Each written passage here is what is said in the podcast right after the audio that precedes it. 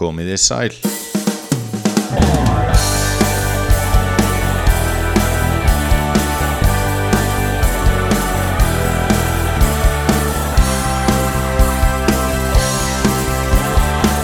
Frá því ég hóf framleyslu þessara þátt að hef ég mjög oft verið spurður hvort ég ætla ekki að taka mann þáttarins tali en það óhægt að segja að áhrifa hans gæti á Norrfyrði og víðar. Til gaman smá einni geta að ég satt hvorki fleiri en ég færi en 11 áfanga hjá honum í verkmyndaskólanum á sínum tíma. Þátturinn er sem fyrr unnin í samfunnu við Zoom og er gestur þáttarins Smári Geirsson.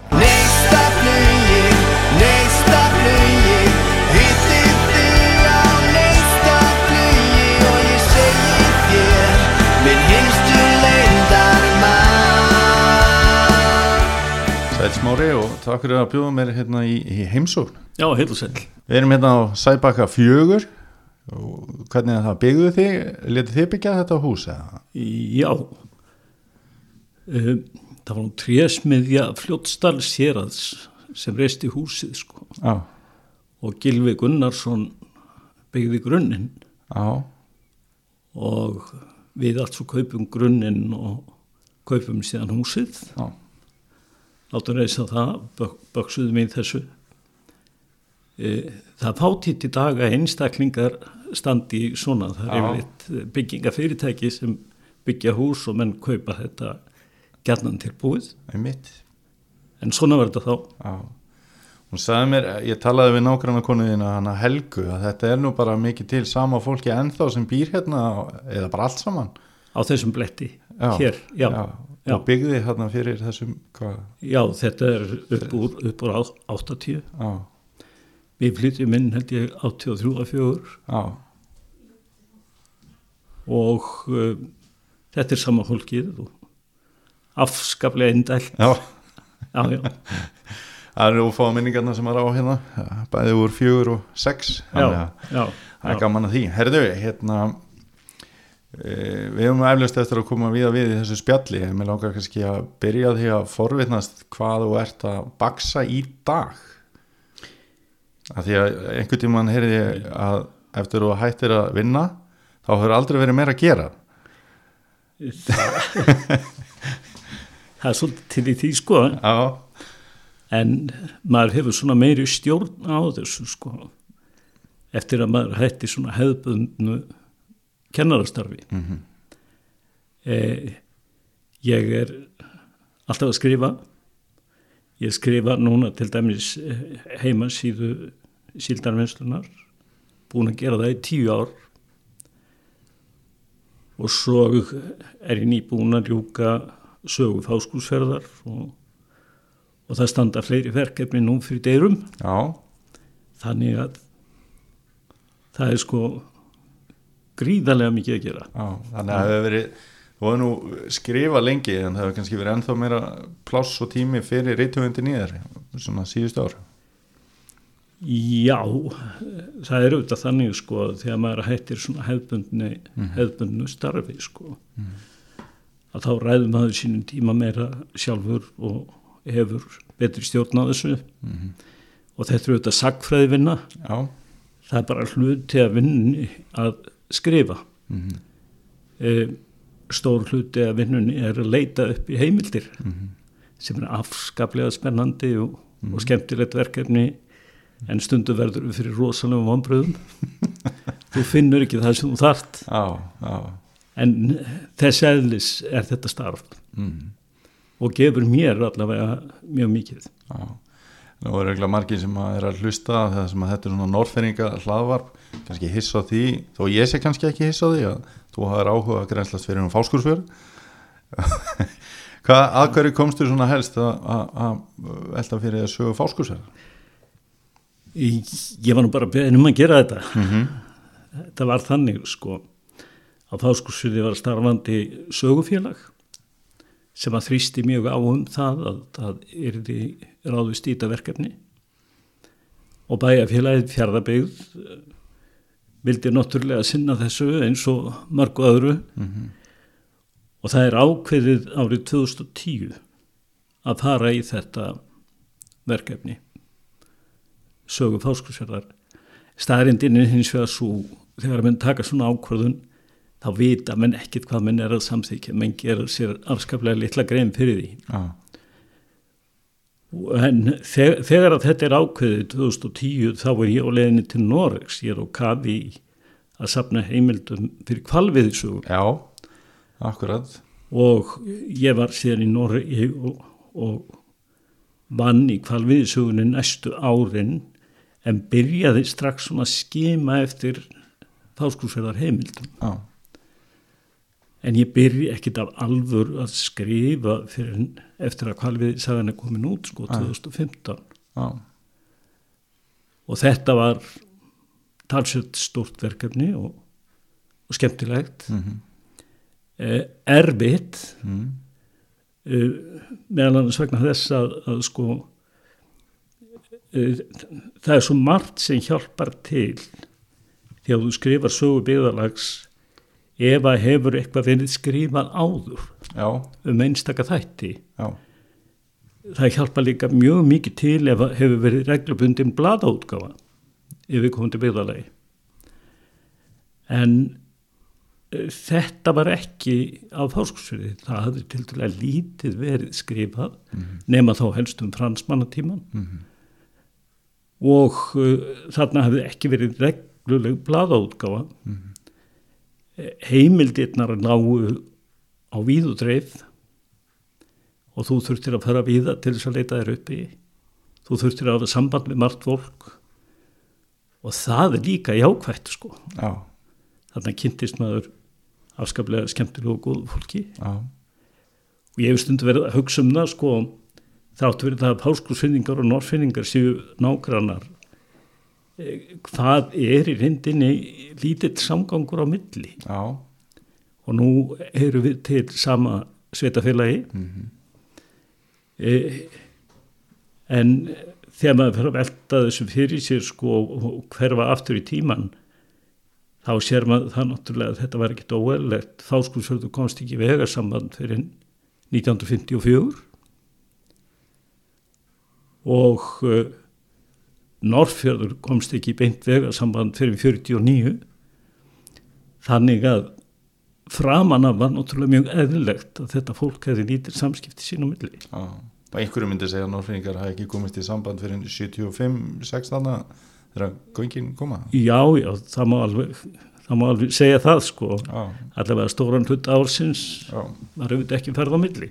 nei, En sko, e, þetta er líka þannig að sko, það er margt sameilegt með sögu fjarðana hér eistra. En það er líka alltaf ákveðni þættir sem að sérkenna hvert stað. Og uh, ég var búin að stúdera sögu Norrfjörðar vel og skrifum Já. hana eh, allavega ákveði tímabil og þ- ég naut þess þegar ég var að skrifa um fáskursfjörð en enga síður er það þannig að það er margt af fáskursfjörði samt sem er með öðrum hætti. Já, og það er auðvitað þarf að skrifa sögu allra byggðalagana hér eistra og um, það verður að gerast uh, vegna þess að þú þart að fá svona hildar yfir sín yfir sögu svæðisins, landslutans og það gerur best með því að taka fyrir hvert byggðalag já, og þá getur við metið það sko hvað við eiga sameinlegt og hvað sérkennir hvert og eitt. Má þá vænta að þú sért á leiðin á stöðafjörð eða eskifjörð eða reyðafjörð eða? Já sko það þarf að skrifa sögu þessara staða. Það er bara mjög brínt og hefði reyndinni átt að vera búið allavega var þetta sögur svona fyrir, fyrir alda. já, Eh, Það er ekki lokið að skrifa sögu eskifjörðar þó svo að, að eski einast braga e, sé gott verk og en þá, þá er eftir að fjalla um mjög veiga miklu þætti sögunar þar. Það er algjörlega eftir að sinna stöðafyrði og það er auðvitað saga seyðisfjörðar má segja sé óskrifuð já, svo dæmis í tekið sko. Og það eh, þarf að gera sko heil, heil mikið átak að mínum mati í þessum málum. Já, Nú, Saga Norrfjörðar eh, er búið að skrifa hana til 1929 en allt eftir það er ógert. Þannig að það er, eh, þó, þó voru það þannig með Norrfjörð að þar hefur verið skrifað meira um einstaka þætti sögunar heldur en í flestum öðrum byggðalögum. já. Það er þannig. Hva, hva, það er þá mann þetta þá í fyrst, fyrst í hug eins og snjóflóðin eða, eða, eða hérna, stjórnmóla ja, farið hérna eða Í- svoleiðis þættir Já, líka verið skrifað útgerðarsaga, það hefur verið skrifuð saga helbriðistjónustu, svo dæmis í tekið. Spari sjóðsins, þú skrifaði hana sparisjóð, já, já, þannig að það er ímislegt búið að gera hér, verkalýsaga já, já. Og, og þetta allt sem hann léttir mjög Já. undir varðandi rítum einmitt, já, einmitt. en ef við spólum hressilega tilbaka lítill smári pjakkur og, og norferi já, já. Hvenær mannstu eftir og hvar bjóstu og, og svo framins sko ég fættur 17. janúar 51 í húsi húsinu Merki. En ég man nú ekkit eftir mig þar. Æ, var þar tiltölulega stutt. Foreldra mínir kaupað síðan íbúð að hólskautu átta í verkamannabústað þar. Og þar er ég alveg upp og bjó alveg hinn þangað til ég fluttað heimann já, já, og um, átti þar náttúrulega bara frábæra já. Ertu þá ekki alveg á svona eins mikið á mörkunum að hægt er að teljast annarkvort innbæingur eða útbæingur? Jú, sko. Jú. E, Þetta voru stundu kallaði miðbæingar sem að þarna voru sko. Ok, og þeir sem að e, byggu þarna rétt fyrir innan vildu gætna láta kenna sér við melana töluðum melabúa en svona þegar var til dæmis keft í sundi og milli bæjarhluta þá voru við alltaf með einn bæingum já, og þegar maður hugsaður um það sko að uh, þetta, þetta var svolítið sérstakt. Uh, uh, það var svona lítill beitt samgangur á milli innbæðing og útbæðinga og talsvöldur ígur á milli. Já í hverju fólst sá rígur hvað helst? Mann hefur heyrt sögur að því að kveikja í, í brennum hvers annars að- jú, jú, uh, það, það var minn selt sko. Uh, og, og uh, sko við sem að töldum, töldum til innbæðinga sko við vorum mm, bara beininnis hrættir við strákana hjúpænum já, við töldum að þetta væri voða, voða minni og það fóru miklar sögur af glæpafélagi sem að þeir höfðu stopnað og hétt svarti dregin já, ok. Og við vorum, vorum skítrættið stráka og þeir voru undir stjórn stráka sem voru talsvöld eldri. Já, og uh, gengu segja hart fram og tóku upp á ímsu sem að var svona æfintýra lekt sko. Já, og, og ég man eftir því að þegar við vorum nóg margir saman en útbæðingarnir miklu uh, færri sko þá gáttu menn verið hugrakir og þá var gætna hrópað í einum kór sko útbæðingar og auðmingar, innbæðingar, kábójar já, já, einmitt. Það þóttir ósa flótnað að vera kábói sko. en síðan með tímanum þá breytist þetta og ég vil þakka það miklu leiti starfið þróttar. Já, af því að starf þróttar náttúrulega skiptist ekki upp í einn bæ og útbæ. Næ, þar voru allir saman. Og þar myndaði svona félagsleg heilt já, krakkana. Hvaðan úr bænum sem er komu. Einmitt. Og uh, ég held að þessi ríkur á milli útbæjar og innbæjar sem var í minni æsku hans er löngu horfin sko, já, löngu horfin einmitt. Eina sem að eins og mín kynslu tengi við það var, var stundu verið að stríða fólki sem bjó á bökkunum að þetta var í Sýberia það var að vera í sólbæði og blómstöðlum en ekki hér. Eitthvað, eitthvað svona bull sko. Jú, jú. annað dýbra var það nú ekki að- spá í einhverja bæjarhluta sko. Nei, þetta, þetta er nú saklust sko. Já, já, þú veist að alltaf þegar að, til dæmis að byggja á nýjum stað þá koma upp sögur um það að þarna sjóbúandi út af hinu, út af þessu og þar fyrir til göttunum og þetta er svona ekki bara hér heldur viðast hvar. já, já. Hmm.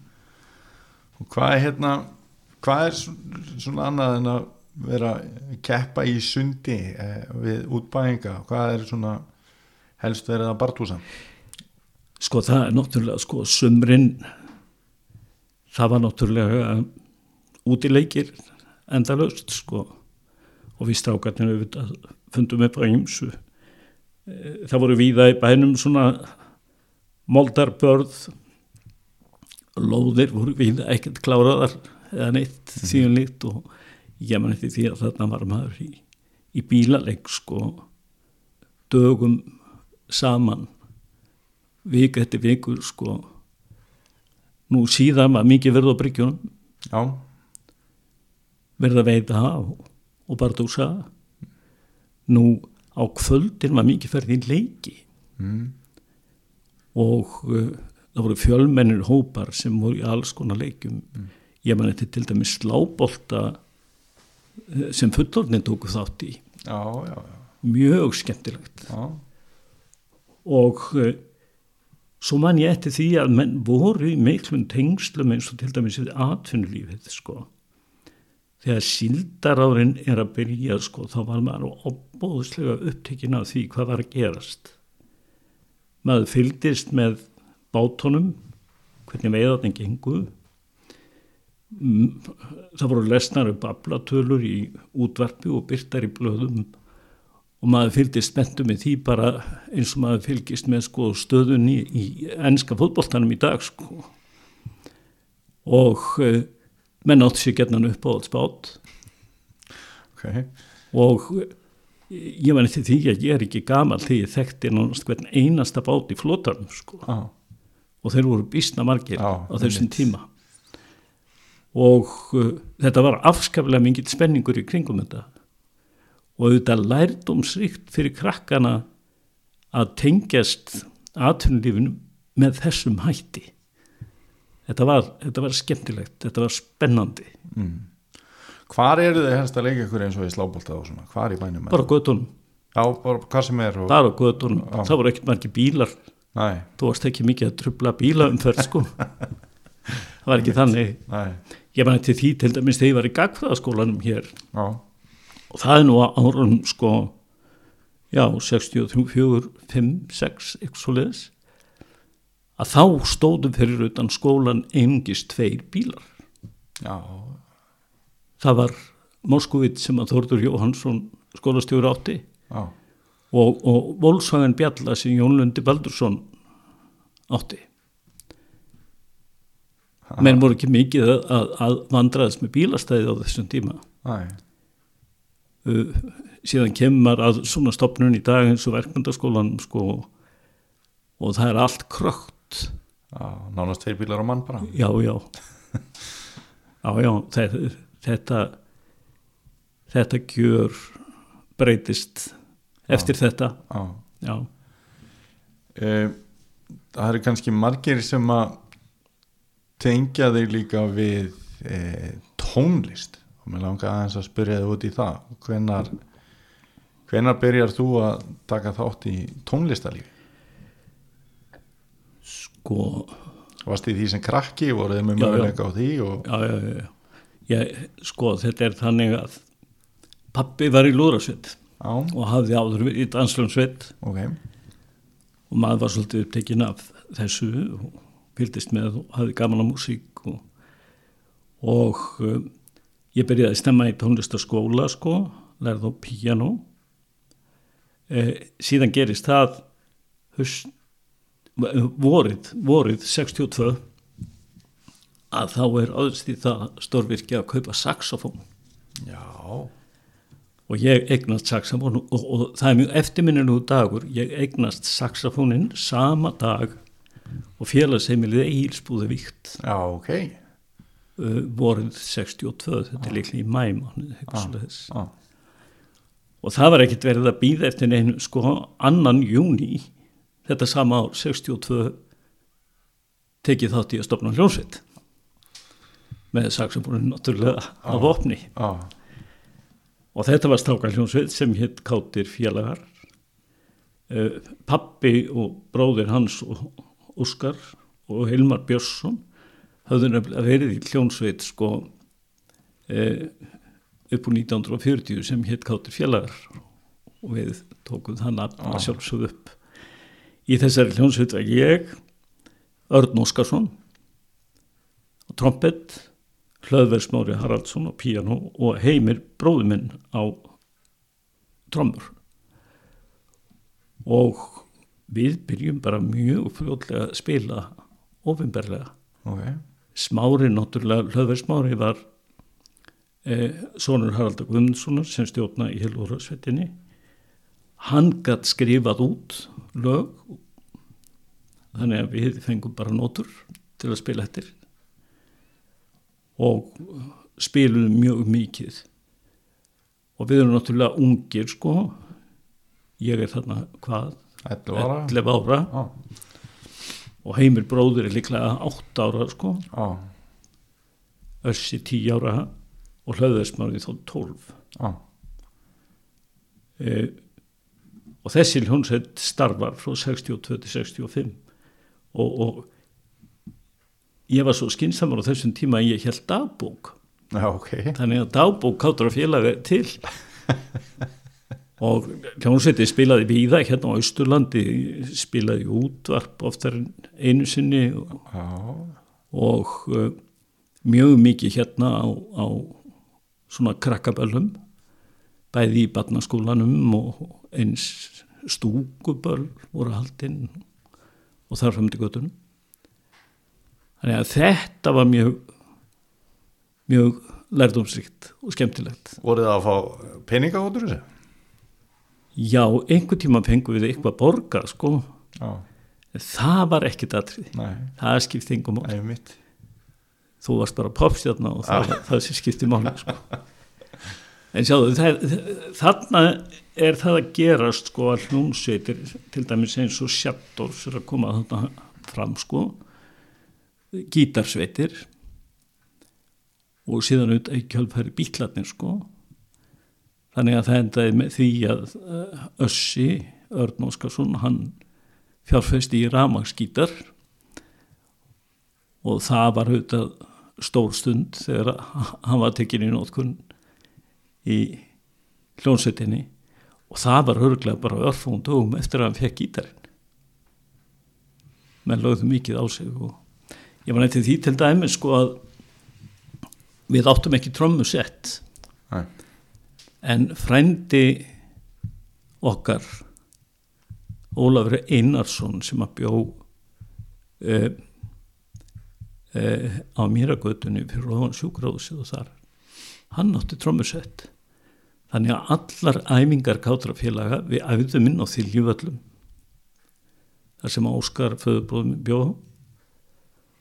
Og allar æfingar byrjuðu sko á því að hljómsveitin lappaði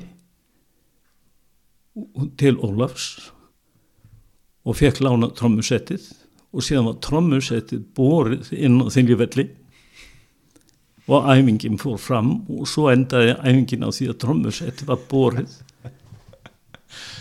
út af mér og götuð aftur og skilað. Já, þannig, þannig gekk þetta. Já, svo uh, endaði nú með því að við gáttu kift trommusett og það var held ég fyrir fjármunni sem að hljónsveitin hefði aflað sem hefði spilamennsku. Já.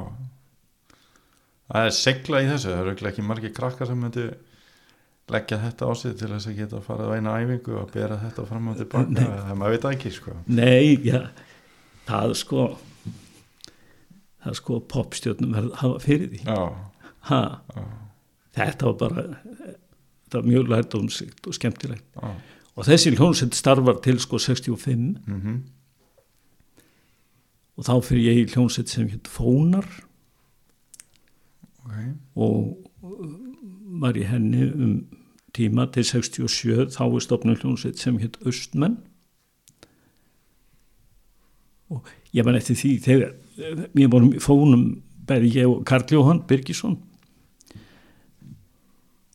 Og uh, menn mildu að fónar spiluði hérna á almennum dansleikjum sko. það var eitt vandamál að, við Karl Jóhann höfðum ekki náð aldrei ég var líklega bara 14 ára og hann 15 sko mm. og það þýtti það að við þurftum að fá sko undan þá til þess að mega spila á dansleikjum og það þurfti samþykki barnavendanemndar og ég man eftir mörgum fundum í kringu þetta mál með eh, fullum barnavendanemndar og með sóknaprestinum á staðanum hann kom líka að þessu máli og síðan bæjafúkitinn og sko við fengum aldrei þess að undan þá formlega. Næ, fólk var í miklu manda með þetta mál. Menn vildu gætnan sko að þessi hljónsveit geti spila já, það var mikil þörf á því svona bara fyrir félagslífið í bænum. Einmitt, en menn voru mjög efins um það að það ætti að gefa svona ungum strákum heimild til þess að spila á einhverjum fyllir í spöllum sko. Já, en við fengum aldrei undan þá hún að við Karl Jóhann við bara byrjuðum að spila. Já, og það gerði aldrei neitt neina aðtúasemt sko. Nei, nei. og þetta, þetta var þetta, þetta var eftirminnlegt sko. Nú síðan eru östmenn stopnaðir 67 og uh, svo koma margar hljónsveitir þarna í kjölfarið. Amon Ra, Ósýris, Jétein já, og síðan Bumbutnar sem við spiluðum nú allengi, það er nú eftir 80 sko. Já. Amon Ra þetta er þau eru glega svona hvað þekktasta nafni sem þú ert búin að nefna. Já, Amon Ra var lengi til. Já, en það voru mikla mannabreitingar sko já, frá áru til árs. Já, og ég var ekkit alltaf í Am- Amon Ra. Já, bara, bara ég var þarna til dæmi 73 og 76 mann ég en en Amon Ra var bísna góð hljónsveit sko. Já, alltaf. En það voru verulega mannabreitingar já. Og er ekki þarna um tíma ekki haugs og séu ekki segmunds jú, jú, og skuggabræður mikið, í- Jú, voru jú. þeir allan tíman í þessu kannski? nei, þeir voru um tíma sko. Já.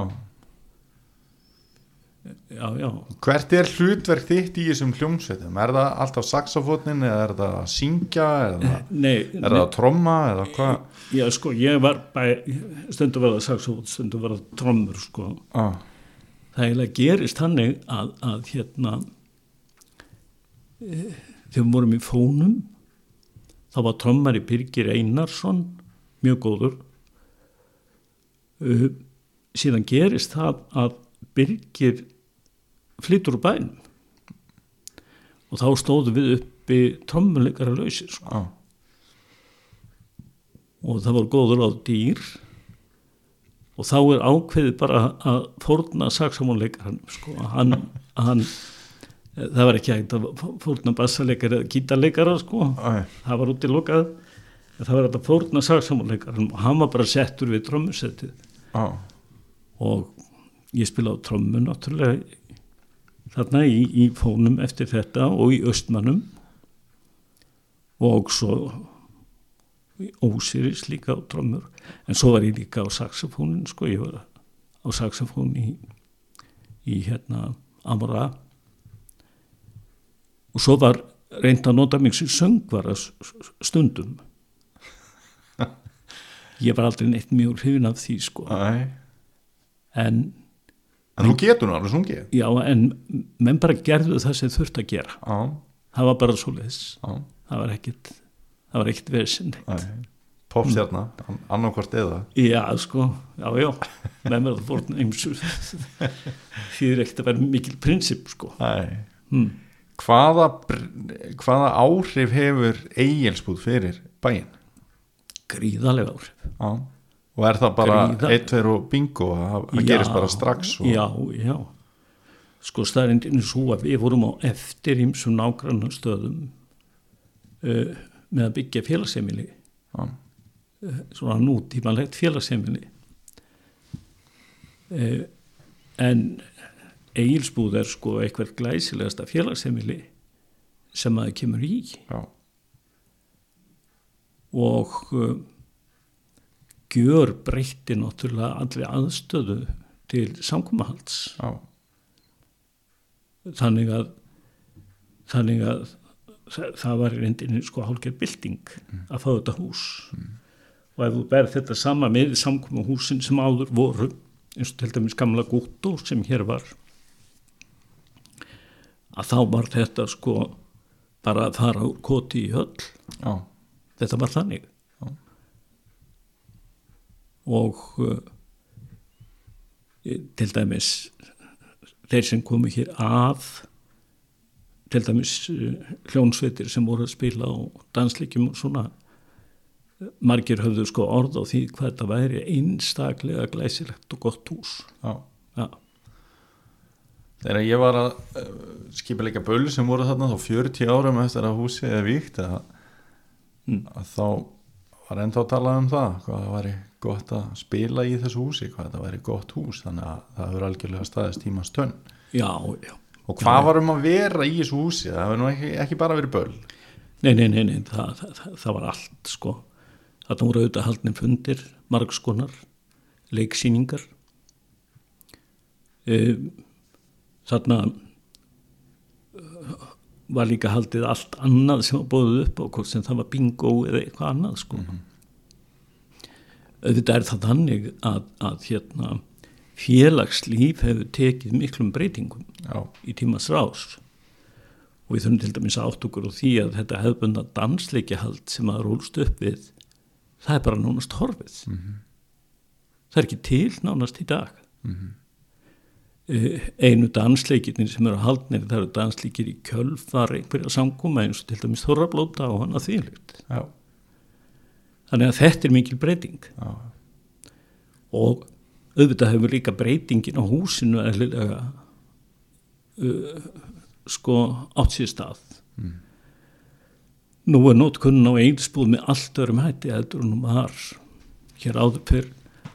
Og það hefur líka breyst að öll félagarsamtök virðast þurfa að eiga sína félagsaðstöðu. Og það auðvitað mingar þá notkurinn á félagsheimilinu. Já, það hefur líka gerst. Á, Var það áður að bara öll félagsamtök voru bara þannig þau voru bara þarna, Já, það var allt þarna. Allir fundir sem voru allir bæði stórir og litlir. Já, já. Manstu eftir þú fórst fyrst í bíó í Heiðsbúð já, ég, ég man nú eiginlega miklu betur eftir gamla bíónu sko. Já, segjum við frá því. Það var það stóð sko já ég er nú alin upp í næstan ágrenni sko. Þetta stóð uh, nokkurn veginn þar sem að ramagsvestaði launafls er í dag. Þar og þetta var náttúrulega bara tilhyrði hverjum sunnudegi að fara í bíó. Já, já, það er bara þannig. Og, og þegar maður fyrir að hugsa um það sko, þetta var svolítið skemmtilegt sko, hvað bíóin höfðu mikil áhrif á leiki krakkana. Já, sko þegar kom góð kápumynd Já. þá voru vikurnar á eftir sko þá voru við endalust í kápuleik sko. já, hm. Ef að kom góð skilmingamynd nú þá fór allir út í slipp og letu gera sverð og menn skilmuðust sko í gríð og erg já, í kjölfarið. Já, þannig að bíómyndirnar höfðu náttúrulega gríðarlega mikil áhrif og ungviði já, og marga myndir sem að mann eftir frá þessum tíma sem að sem að hérna svona eru eftirminnilegar og, og höfðu áhrif. Já, já. Og þetta var þetta var ekki glæsilegt hús í sjálfu sér sko. Næ, það skipt engum nei, nei, heimitt það það breytti engur Já. Þú ferð í mentaskólan á laugavatni já, og mér langaði að spyrja það okkur að gera það. Já, það er nú heila að sagja segja frá því sko. Já, ok. Það er það er þannig að það lág alltaf beint við virtist vera að norfinningar færi í mentaskóla til Akureyrar. Þegar þeir höfðu lokið landsprófi eins og þurfti að gera á þeim tíma. Og uh, ég og félagi minn Þormóður Sveinsson við gerðum ráð fyrir því að fara í mentaskóla til Akureyrar að vísu þá tóku við okkur árs hlje eftir landspróf í þeim tilgangi að vinna og afla tekna og fara síðan til útlanda. Það voru ekkit margir sem að höfðu farið til útlanda á þessum aldri sko. Við fórum bæði til Danmörkur og Englands og mjög sögulega ferð og skemmtilega. Já já nokkri norfinningar höfðu hins vegar svona brotið þessa akureyri reglu og farið á laugavatn meðlan Skuðundur Bjarnason og tvær bekkjarsýstur okkar Margrét Jónsdóttir og, og, og Líjana Guðnadóttir. Um, og uh, þetta fólk fatt okkur til þess að sækja um á laugavatni og það endaði nú með því að við sóttum um á Akureyri en sóttum líka um á laugavarni en það var eins og er alltaf að tala um það að fara til Akureyri það er lág beint Ok. við. Svo fáum við svörin. Við fáum svör strax frá laugavarni um það að við komumst inn í skólan og þar með að sjálfsögðin og heimavist það var ekki um nýtt annað að ræða þar. En við fáum það svar frá mentaskólanum á Akureyri að við komumst inn í skólan en fáum því miður ekki pláss á heimavist Ok, og þegar þetta líkur fyrir ég, ég mann þetta mjög vel þá fórum við þormóður út á símstöð sem var nú bara í næsta húsi við húsið heima. Mhm. og sendum skeiti á lögvatn þar sem við staðfestum komu okkar í skólan við bara lítum þannig á að fyrst við kemist ekki inn á heimavist og akkur þá var ég sá draumur úti. Já, e, þegar við erum búin að senda skeitið þá löpum við beint heim. Og þegar við komum bara inn um dyrnar þá kallar mamma á mig í, í síman og þá er það skrifstofa mentaskólans og akureyri sem er að tilkynna okkur það að við komumst inn á heimavistina En þá bara sögðum við bara sorry ha. og ég var eftir því að við fórum síðan uh, um haustið sko þegar skóli hófst söður og fórum með esjunni já, já, já, já. þannig að þetta var og ég, ég sé ekki eftir því að hafa ferðalega vatn það var afskaplega lærdómsríkt og þróskandi að, að vera þar já. sjálfsagt hefur það verið líka akkurir sko, Einmitt, það, einmitt. það er ekki það einmitt En þannig kynntist maður náttúrulega fólki sko úr öðrum landslutum. Þannig var mikið af sunnlendingum sko, talsvert af, af, af krökkum úr Reykjavík, vestfyrningar komið að talsvert á þessum tíma, já, vestmanningar er sjálfsögðu. já, Og svo var, voru austfyrningar þarna líka, þó nokkur.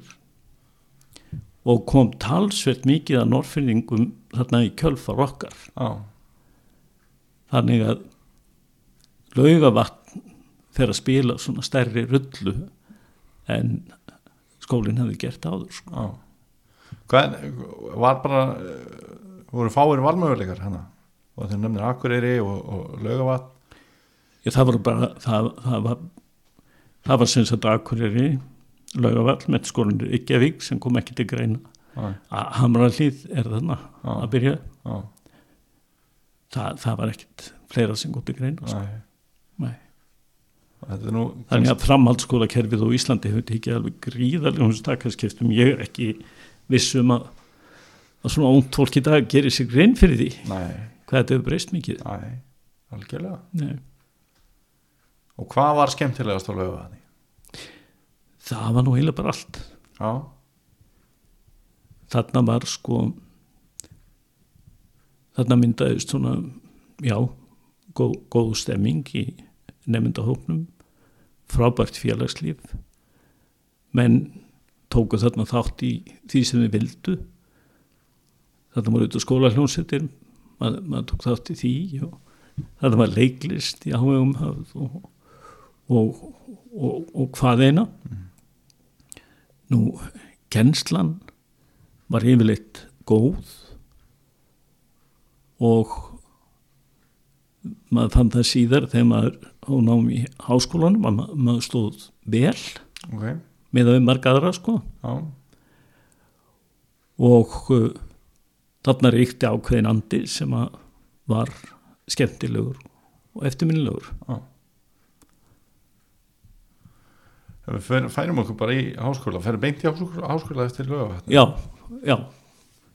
Þá fyrir beint í, í háskólan Er það sakfræði þá? Eh, nei sko, ég ætlaði mér í sagfræði og byrja, byrjaði í sagfræði sem aðal, aðalgrein.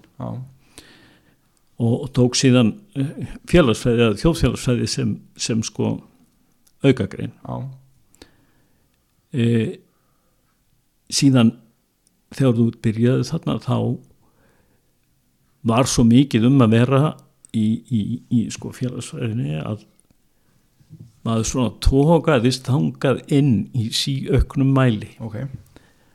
Á meðan að uh, það var svona heldur döft yfir sakfræðinni á þessum tíma. Já, og það endaði með því sko að, að ég útskrifa sko úr þjóðfélagsfræði sko.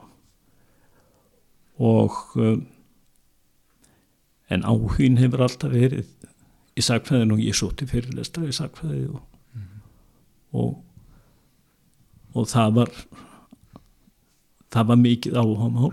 Já, alveg reynd frá fyrstu tíð. Já. Já, Þú ert þá væntalega búsettur hérna í Reykjavík. Já, og hvað ertu lengi þar? já ég, ég sko leið út í bæði fyrst árið. Og svo komst ég á gamla garð og það þá var maður komin í svona laugavatsumhverfi hálgert Já, að því að mér líður ekkert vel Reykjavík og er ekki, ekki, ekki hérna hrifin af því einmitt, að vera þar. Einmitt. Þarna komst maður í svona svolítið lokað umhverfi sem að mér líkaði bara ágætlega í. Já, og uh, lög þarna bíaprófi og fer síðan austur og fer að vinna sem skólafulltrúi hérna og kenna. Og síðan fer ég, fer ég til Noregs til Bergen. Og þar fer ég í sko stjórnsýslufræði. Átti með þann draum að fara í einhvers konar svona landsbyðaði félagsfræði í Tromsö en einhver hluta vegna þá passaði það ekki alveg. Ok. Og við enduðum þarna í í sko Bergen. Og þar byggum við með ja, stótandagarði og, og líkaði bara vel. Góður skóli að fara þangað. Síðan að þegar það var búið þá fór ég aftur til Reykjavíkur og, og kláraði uppbylds og kennstfræði þannig að og síðan síðan er þetta bara heim Já, að kenna. Já, og kendi hvað í einhver hvað, fjö- 40 árið eða hvað, hvað, það, hvað það er. Já, ég hætti sem sett 2015 mm. eða já um áramóti 2014-15 já, þá hætti ég. Og var enda skólamestari sko á árunum 83 til 86 líklega. Já, 87 akkurat þegar verkmyndaskólinn er stopnaður sko. Já, og það það er svolítið það var mikið áttak að stopna verkmyndaskólan sko. Hér hafði framhaldsskólinn í Neskupstað verið stopnaður áður og þá voru framhaldstildir gagfræðaskólans sem hér voru starfandi og einskóli Östurlands ok. E, þetta var saminað undir einum hætti. E, en jafnframt sindi skólinn sko kennslu efstu bekka grunnskóla framan af. Svo var það fært niður í neskóla það, það var ímislegt sem réði því að þetta var svona meðal annars húsnæðismál og annað þýnlíkt já, en sko til þess að ríkið kæmi að uppbyggingu uh, framhaldsskóla hér þá þurftu sveitarfélugin í landslutanum að saminast um rekstur skóla. Og uh, þetta hafði verið gert á Suðurlandi til dæmis og Vesturlandi. Og við sáum það að ef ætti til dæmis að byggja hér upp verknám sem stæðist gröfu tímans þá yrðu við að stopna hér framhaldsskóla eh, með þáttöku allra sveitafélag og þegar að, að því var komin þá var líka komin forsenda til þess að ríkið myndi byggja heimavist. Já, sem var algjört grundvallar atriði sko. Og það fóru þarna einn tvö sumur í það. Uh, og það, það, það var samband sveitafélag á Austurlandi sem að koma að þessu verkefni sko með fullum krafti. Og við fórum tvö sumur hér á milli sveitafélagi fyrir austan til þess að kynna þetta og fá sveitastjórnina til þess að fallast á að, að vera með já, í þessu verkefni. Og þarna nær sko kjördæmið alveg hreint frá öræfum já, í söðri mhm, og norður á bakkafjörð. Já, sveitafélögin voru 32 frekar en 35 já, nú eru sveitafélögin á því svæði sem skilgrein, er skilgrind sem Austurland eh, er ekki fjögur. Já, hmm. einmitt, þannig að þú þurftir að fá þarna 32 sveitastjórnir til þess að samþykja þetta. Já. og þetta gekk. Þetta gekk og verkmyndaskólinni sem stopnaður 86 og í kjölfar þessa er til þeim seimavistin byggð og, og farið að byggja upp uh, verknámsaðstöðu eins og þurfti nöðsynlega að gera. já, Þannig að þetta var lærdomsýtt og, og merkilegt verkefni að taka þátt í. hefur þetta ekki mikil áhrif líka bara, bærin stækkar bara við svona bara allir bærin, eða ekki Já, og, og þetta er, stofnun, já, þe jú, jú, auðvitað skiptir þetta miklu máli mm. e, og, og það skiptir svo miklu máli fyrir austfyrðinga að eiga þennan möguleika. Já, að geta lært hér heima ekki bara til stúdinsprófs þetta er líka e, tekið hinnar ímsu yngrenar já, og, og það á að vera austfyrðingum metnaðar mál að halda framhaldsskólunum hér í landslutanum öflugum. Gríðarlega mikilvægt já algjörlega. Þegar þú ert að garfa í þessu og, og, og taka þátt í að, að verkmyndaskólin hef ég göngu sína ertu byrjaður í stjórnmálum þannig? já, já, sko uh, þannig að saminast í þér svona stjórnmálamæður og skólameistari? Já, þetta eru þetta eru þetta blandað. Já, og, og, og hlýtur að vera það alltaf. E, ég byrjaði hér í bæjarstjórn sko 82 já, og er í í bæjarstjótt fyrst í Neskupstað náttúrulega til 98 og síðan í fjárðarbyrð til 2010 28 ár. Og það er auðvitað það er auðvitað margt sem á dagar að dreif á þeim tíma. Já, og margt eftirminnilegt og, og merkilegt. Stundum voru erfiði tímar. En stundum var líka verið að vinna sko afar skemmtilegum verkefnum. Já, og síðan auðvitað uh, tók ég líka virkan þátt í starfi sambandsveitafélaga já, hérna fyrir fyrir austan var uh, var í stjórn sambandsins og formaður en tíma og, og þetta er það er líka mjög mikilvægt að sveitafélagin hér eistra geti tekið sameinlega á málum já, þegar á þarf að halda. Heldur byggður og hvernig var að, að koma þá inn í sveita stjórn og byrja að taka þátt í þessu? Það var það var auðvitað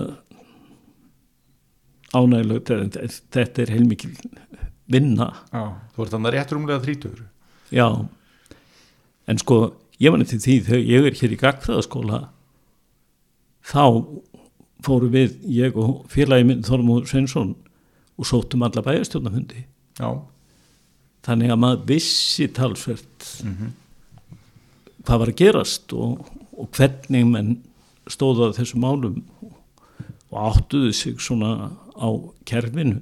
Já, hvernig það var til dæmis starfi nefndana og, og þar fram til göttunum e, og því var var þetta ekkert framandi. Ég, ég þekkti þetta býstna býstna vel, hafði fylst vel með að lengi. Og margir halda að þetta sé einhver eilíðar slagur sko, já, fólks það, það er ekki þannig. Æ, auðvitað eh, er svona þraðsæðum eitthvað fyrir kostningar og, og þar fram til einmitt. En um flest mál sem skipta máli ríkir góðu samstæða já, og til dæmis í, í neðskupstað var þetta þannig að það var, það var mjög gætnan mjög góð samstæða um mikilvægustu málefnin. Já, og svo var rifist um einhver smáatriði þar fyrir utan. Já, það er bara eins og gengur gerist og, og það er ekki alltaf allir sammála um allt og það er bara eðlilegast til hlutur í heimi. Hver eru svona fyrstu verkefnin sem að þú manst eftir og kannski verkefnin bara þarna fyrir 90 Já, verkmyndaskóla eða, eh, fyrir ekki, ég ætla, ég, ætla, ég, ætla, ég ætla að spanna aðeins stærra bíl hver eru verkefnin á Norrferði áður en að þetta verður fjárðabíl Já, í það eru náttúrulega mörg mörg verkefni sko það verður svo til fólksfækkun hérna á þessum tíma. Já, sko já, já. Það gerist, það er meðal annars vegna þess að það er að eiga sér stað verulega breytingar í Í- hér til dæmis var mjög öflug smábátaútgerð. Síðan gerist það að e, e, það verður mjög mikill samdráttur þar og e, e, og bátunum fækkar e, bólfiskaflin sem hér kemur á land hann þetta breytist, hann kemur meira frá tógurum en frá smábátum og, og þegar við tóku saman sko fjölda starfa í kringu þetta allt saman þá fækkaði störfum verulega og þetta átti sér ekki bara stað hér, þetta var þróun sem var að stað mjög víða. Og menn voru alltaf að glí- glíma við þetta náttúrulega. Það líkar engum sko íbúa pækkun vel. Næ, með vilja frekar að þróun sé á hinn veginn þetta sé jákvæð þróun. En hins vegar þá gerast ímsir hlutir í atvinnulífinu eins og til dæmis aukin tæknivæðing felur oft og tíðum í sér fækkun starfa. Og það þýðir ekkit fyrir því að berjast gegn velvæðingu eða öðru slíku. Það, þú verður alltaf að leita að einhverju öðru. Já. og þetta er til dæmis það sem við blastið þegar við þurftum að berjast hér árum saman fyrir, fyrir uppbyggingu álvers, svo dæmis tekið Mhm. um, þá voru eiga sér stað sko nánast hamfarir í sjávarúti í reistra Já. það var verið að loka fristjúsi á stöðafyrði eskifyrði reyðarfyrði loka bræðislu á reyðarfyrði skipum var að fækka mikið Eh, þetta hefði minni áhrif hér en samt sem áður urðu við líka varir við þessa þróun. Þetta, þetta voru erfi tíman í, í sjávarúti og ég var eftir því að það var gengið á milli ímissa fyrirtækja og kannad sko hvort að þau væri tilbúin til þess að koma hinga til neskupstaðar sko með starfsemi.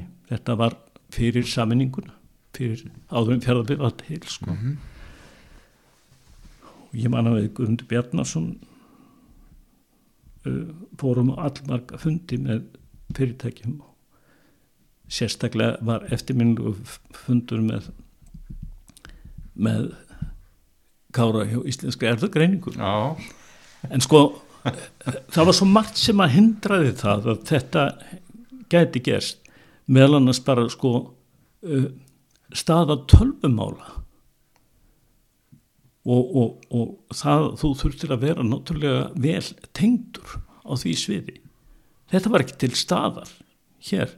Og það var alls konar svona tæknilega atriði sem að sko út til okkur að sumt að þessu gæti gerst gæti átt sér stað.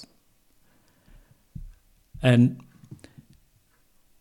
sko það sem að náttúrulega gerist síðan þegar að kemur að álversmálum er það að þá mætur þau náttúrulega mikill andstöð Já.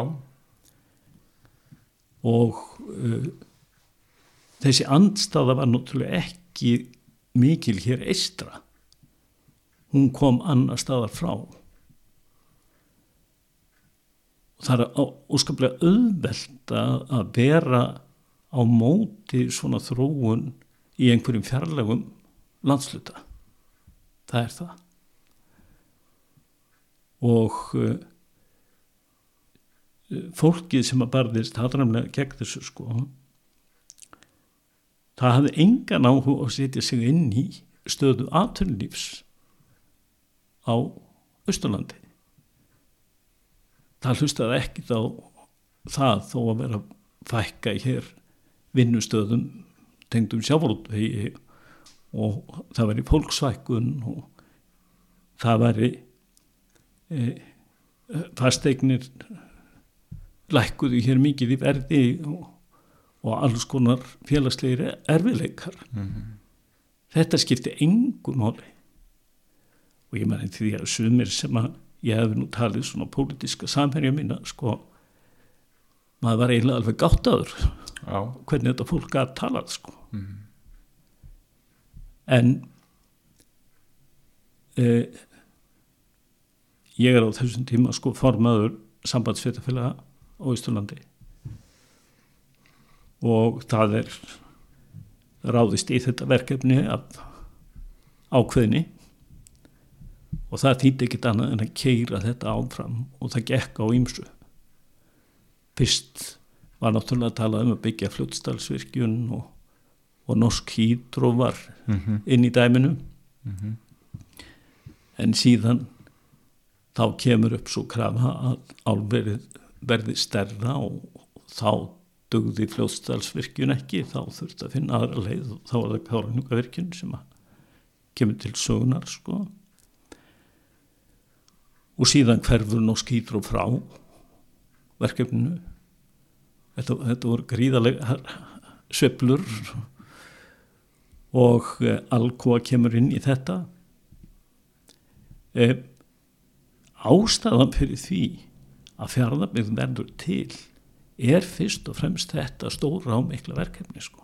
já, já, það er alveg ljóst að þessi fyrirtæki norskýr frá fyrst og síðan Alcoa það var ekki tilbúið til þess að fara út í atvinnustarf sem í, í, í eða uppbyggingu atvinnustarf sem í 600 mann sveitafélagi það var ekki tilbúið til þess. Nei. Það þurfti miklu stærri og sterkari einingu og, og innan þessara reyningar þurfti að vera hitt og þetta. Og þess vegna skipti svo miklu máli fyrir okkur að búa til fjárðabygð og 1998 sem sagt saminast neskupstaður og, og eskifjörður og, og reyðaferður og það var talið svona fullnægjandi en þó á mörgunum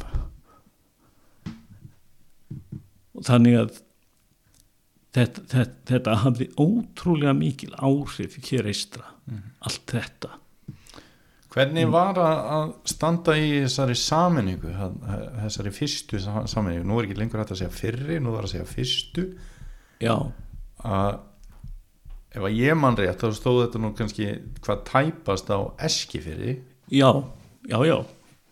Og væntanlega verið svona tekist á aðeins í þessu já, já, og menn, koma saman þessum þreymur sveitafélagum til sama haf já, já menn, menn höfðu misjafna skoðanir sko. Já, og ég man eftir því að áhrif að ríkir aðilar eins og til dæmis allir ríki og eskifyrði var mjög hardur á móti þessu sko.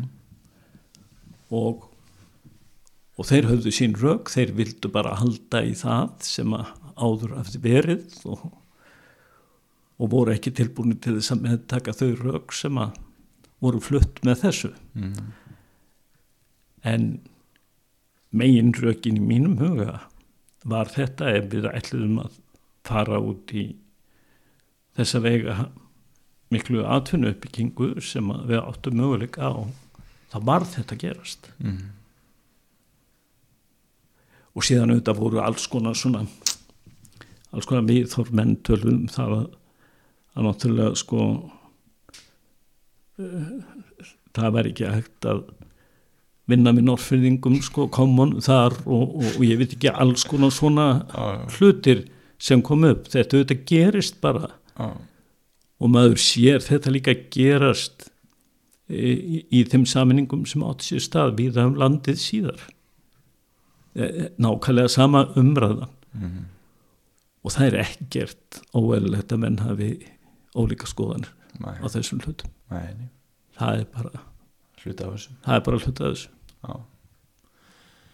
Það, var, það er óhætt að segja að, að byggingin á þessu álveri hafi verið umdeild og, lendir þú í að fá hótanir? Já ég hef nú svo sem ekki mikið talað um það sko Nei. nei, jú, jú Og hvernig kom þetta við þig?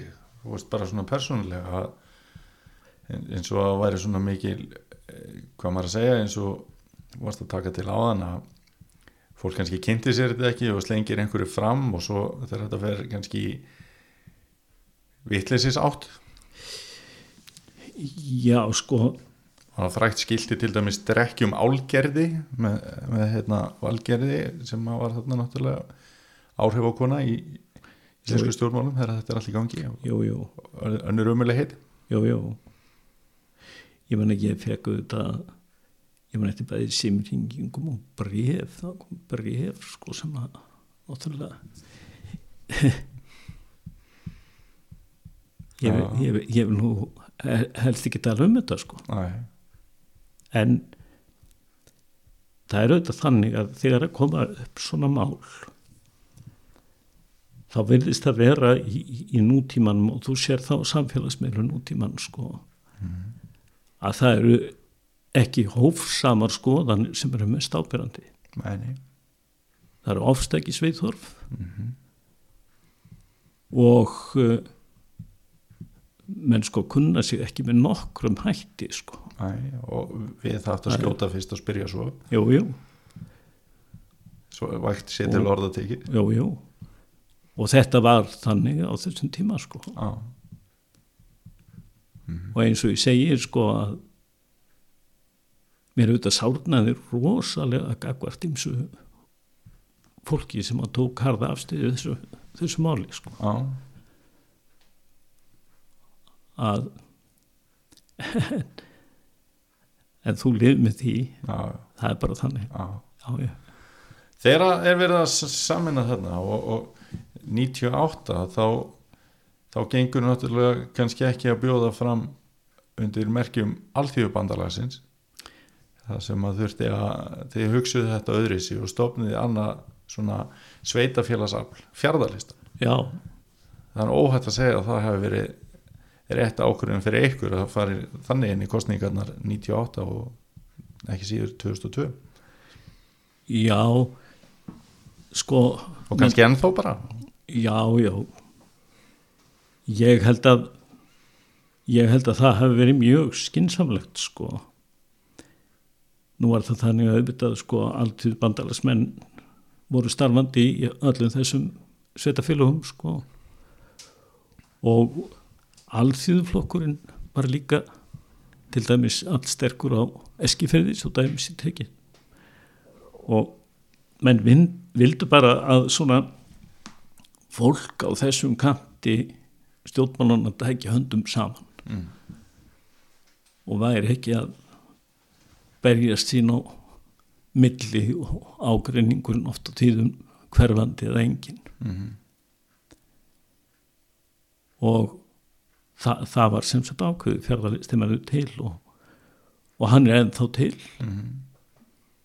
og uh, ég held að það samstarf sem að hefur verið þar það hefur verið mjög farsælt og gott sko. Já, ég verð ekki verið með annað. Æ, ég hef svo sem ekki mikið skipt mér af þessu beint eftir að ég ég hætti sko. E, 2015 en ég fylgst vel með sko og ég get ekki betur síðan að þetta sé mjög mjög skinsamlegt mm það sem að þarna hefur gert sko. Er það ekki fyrir kostningarna 2002 sem að það útspilir að þú er settur í baróttusæti?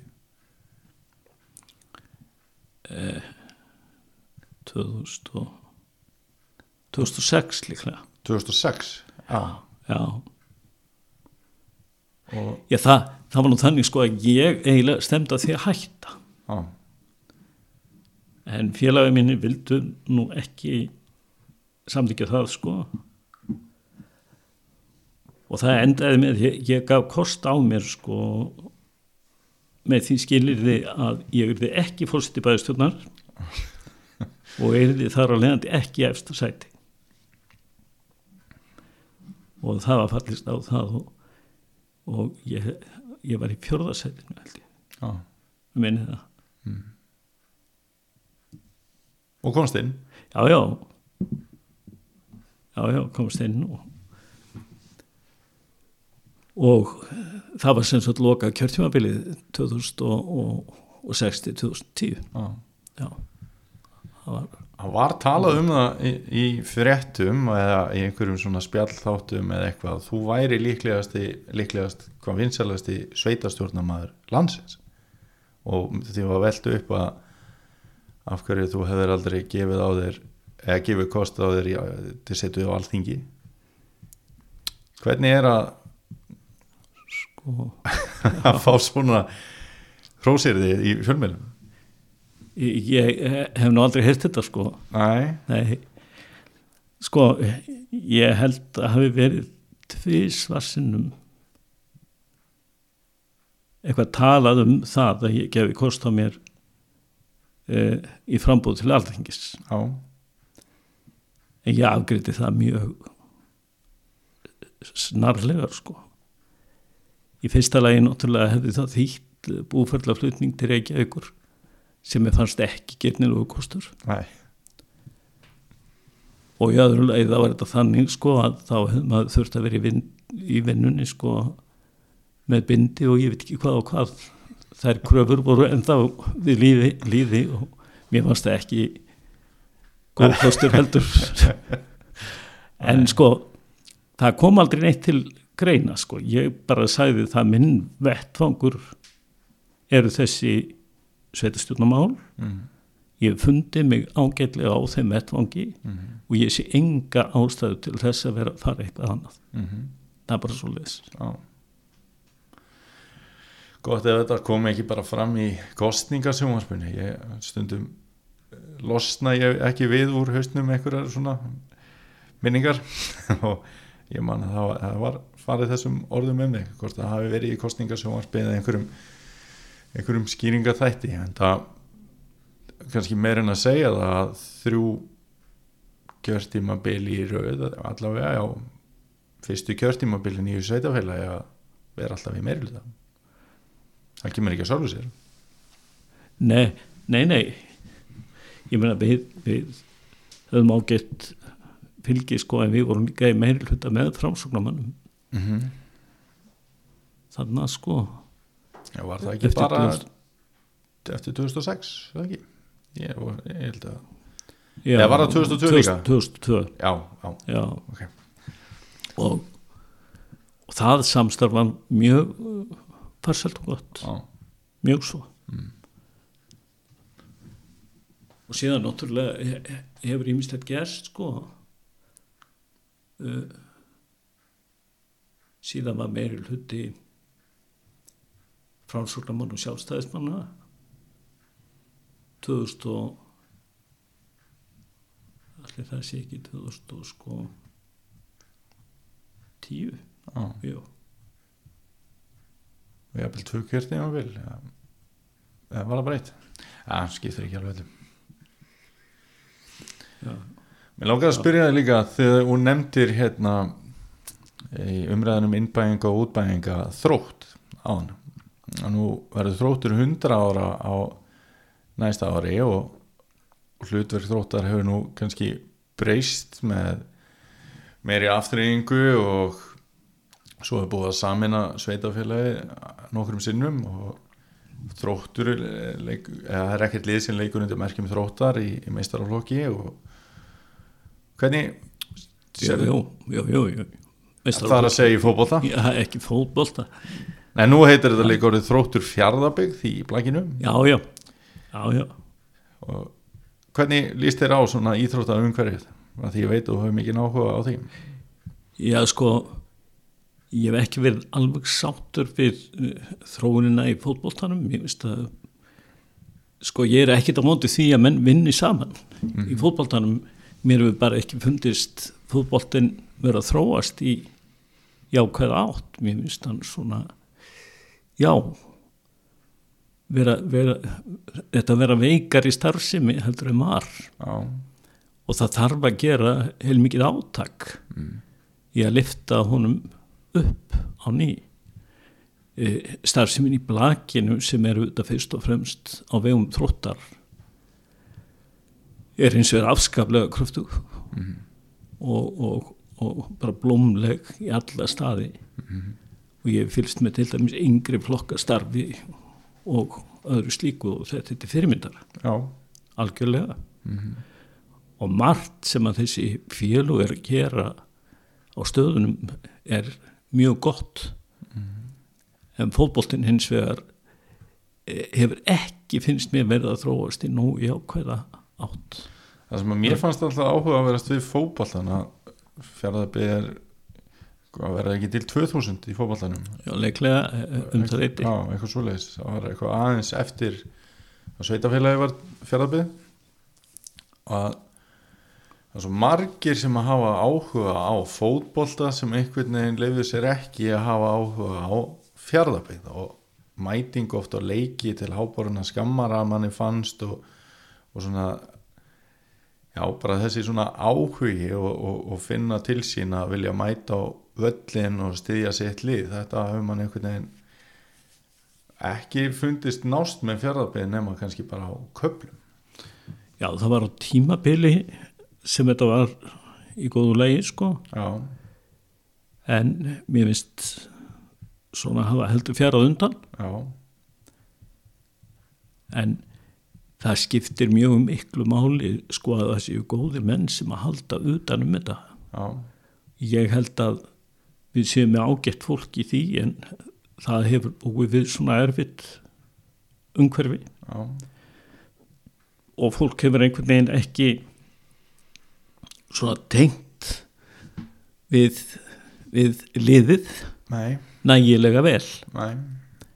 Uh, allmargir útlendingar í liðinu og en, en sko, menn megi hins vegar ekki gleyma því að sko fótbolti til dæmis uh, eða fótboltastarfir hefur sko áratugum saman gengið í bylgjum.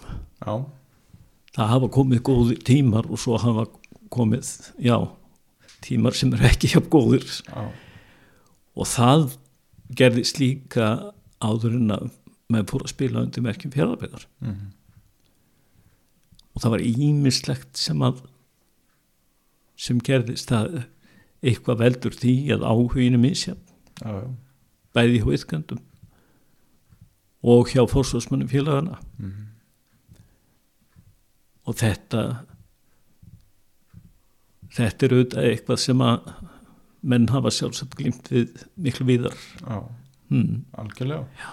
maður velti því fyrir sér þegar það eru núna uh, fyrir þessi fótbolta lið kalla og kvenna að kvenna liði hefur náttúrulega saminast á líka upp á hérað já, já, og með bara fínum árangri og, og eru spennandi að fylgjast með framhrá þróuninni þar þar sem að Kalli er nú hvað mikilvægastur í því Björgun Karl já, já, já, já. sem að við þekkjum vel og með Karla liði að líka að veist, hér eru við með síldavinsluna og hér eru við með sún og hér eru við með eskju og hér eru við með loðnuvinsluna og hér eru við með alkofa og já, já.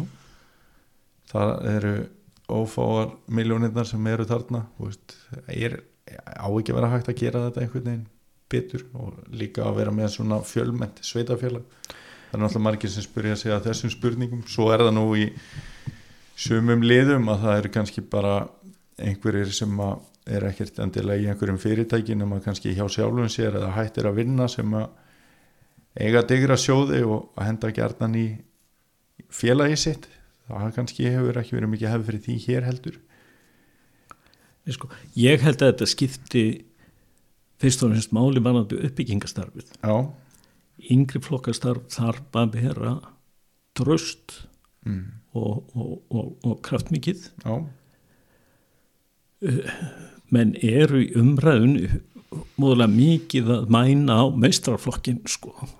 En það er það yfirleitt sá hluti starf sem er sem er mest ábyrrandi Mhm. e, og það þarf auðvitað að sinna þessu uppbyggingastarfi mjög saminskusamlega og það hefur ímislegt breyst í því. Ef þú ætlar að taka þátt þá æfur ekki bara í þínu heimabíðalagi þú ætti að mæta á samilegar æfingar og þarf að finna göttunum þetta er fyrirhafna meira. Já, áhugin þarf að vera sko mikill. Mhm. og menn þurfa að eiga sér sín markmið og þau þurfa að vera háleit Mhm. og einhverju hluta vegna þá hafa menn ekki alveg náð því að byggja þetta upp nægilega nægilega vel Nei. nægilega trústum hætti. Og þegar það gerist ekki þá auðvitað bitnar það á mestrarflokknum með tíð og tíma. Algjörlega. Það er auðvitað bara þannig. Já, já. og ég held að það þurfi svona átak Mhm. hjá okkur Já, til þess að lifta þessu svo lítið upp. Og og félugin þurfa að standa saman já, sem einn maður já, í slíku átaki sko. Nú finnst mann ekkert vera einhver hundra ár frá því að maður var krakki sjálfur og, og þá var hann hægt að halda austurlandsmót og þá voru lið frá öllum byggðarkjörnum sannarlega í sjömanabólta en núna er, eru, eru lið að koma ja, frá fjárðabbi eins og, og mótin í eigum ég hef alltaf mjög gaman að því ég fer og, í dasgrana og skoða hvenar hvenar hérna, liðin á austöðin er að spila og, og mæti og heilsa upp á fólk og svona. Og það er allavega verðist vera mikið stemning svona í fóreldrahópnum og áhugi hann að maður vil nú trúa að þetta sé kærlegt. Ég held að ég verið hægt að breyta þessu. Já, Eh, við vitum hins vegar hvernig þetta er. Það þarf sko sterka fórustu mhm, og ég held að þe- þetta fólk sem hefur unnið í þessu, það hefur verið að vinna í þessu sko á þessu umbreytingaskeiði einmitt og það hefur ekki verið auðvelt sko. Nei, algjörlega það er, það er nú eins og þannig að það er allir að gera sitt besta Já, og, já, já. og bara erfitt líka bara á landsvísu að finna sjálfbúðalega það er nú degjandi stjætt einhvern veginn því miður. Já, já, eða allavega verulega undir högg að sækja. Já, já. Já, já. Nei, ég veit að, að það fólk sem hefur staðið í þessu í kringum fótboltan, það gerir það mikill einlægni. Og, le og leggur, leggur mikið á sig. Um, en til dæmis, eh, eins og ef, ef þú berður þetta til dæmis hafa við blakið, já, þá voru það þróttur sem heldur utanum það. Já, og það virðist einhvern veginn vera svona auðveldara. En uh, það er mjög gleðilegt að sjá það að leikmenni í, í liðinu er ekki bara búsettir í neskupstað sko, mhm, til dæmis á fásfyrir í, í, í hvenna liðinu já, og bara að bara frábært frábært alveg Herri, mér langar að spyrja þig aðeins eh, varðandi bara náttúruna hér eða, eða hús hér eða hvaða er er eitthvað svona ákveðin staður á Norrferði sem að þér þykir sérstaklega væntum Þetta er kannski alltaf stór spurning þeir eru margir Já, já. Ég spyr er þetta? brottflutta sem að ég tala við hvaða, hvaða staður það er sem að þegar þið sjá hann þá finnst þeir að vera komin heim en, en því er náttúrulega ekki til að dreifa hjá þér þar sem að þú býr þér en eitthvað svona sem að sem að þið þykir væntum og þú mátt alveg nefna fleiri en eitt sko. Já, sko mér þykir afskaplega gaman að fara þarna inn á hólskotuna þar sem ég er alin upp Já, og taka mér lappitúr um þetta svæði sem maður ólst í reyndinu upp á og lék sér á fyrst og fremst. Já, og það rifjast margt upp.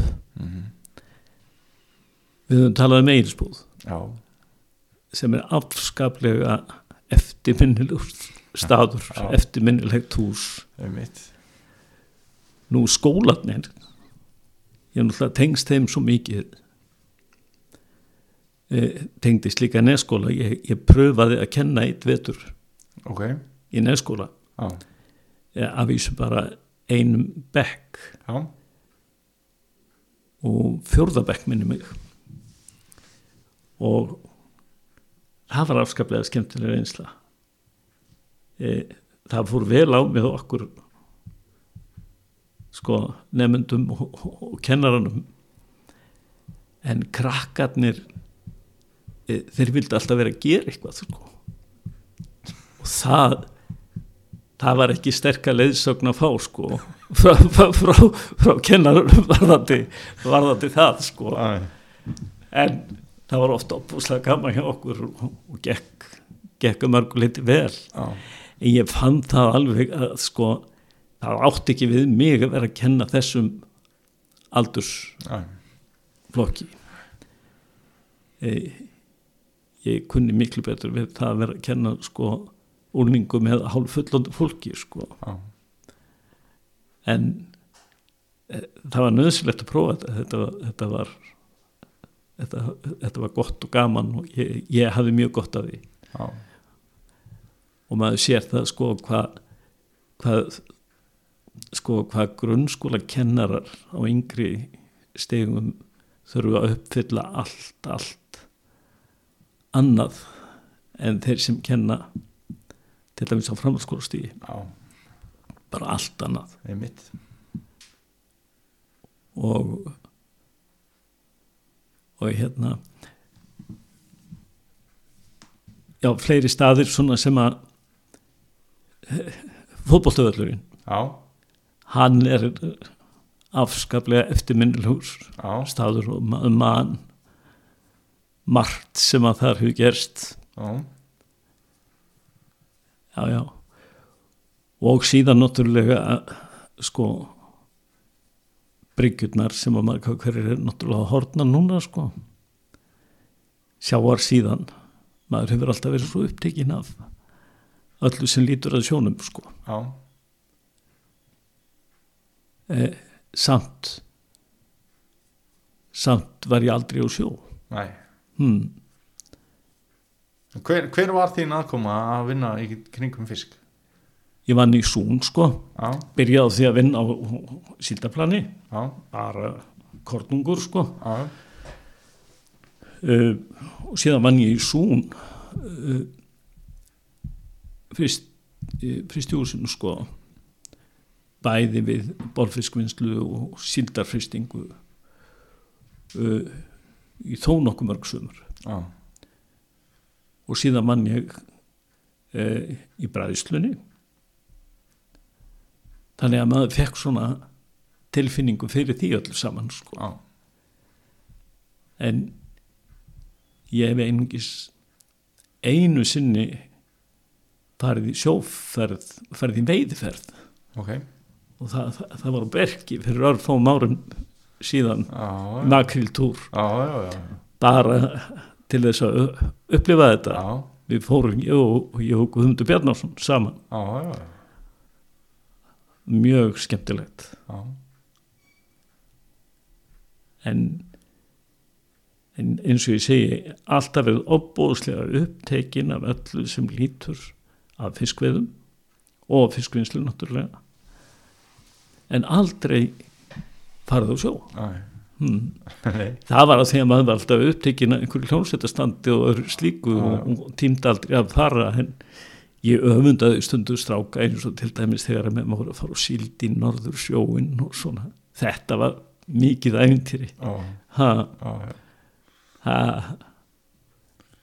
Já, já.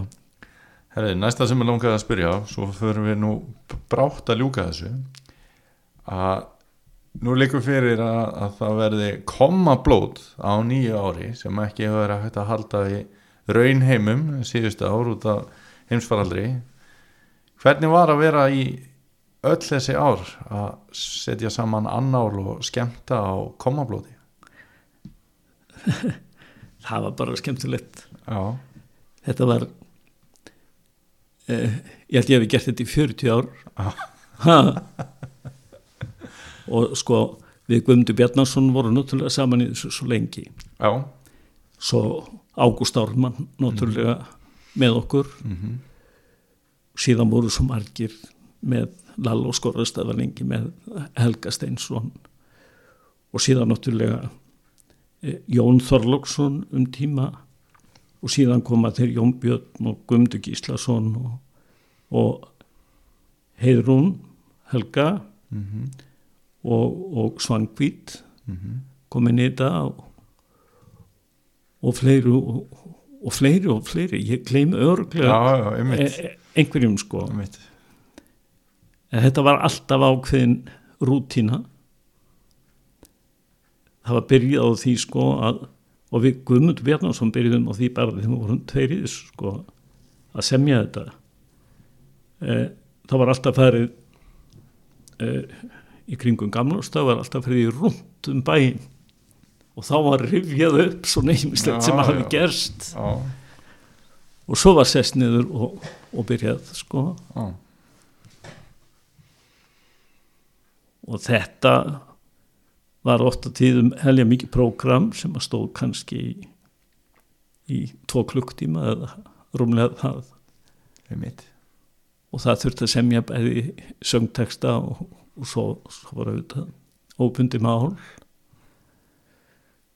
Og það þurfti að uh, svo fyrst var þetta þannig að menn komu bara og, og, og fluttu þetta en svo þróaðist þetta alltaf meir og meir og e, þetta var orðið heilmikið búningastand og alls konar vesin sko.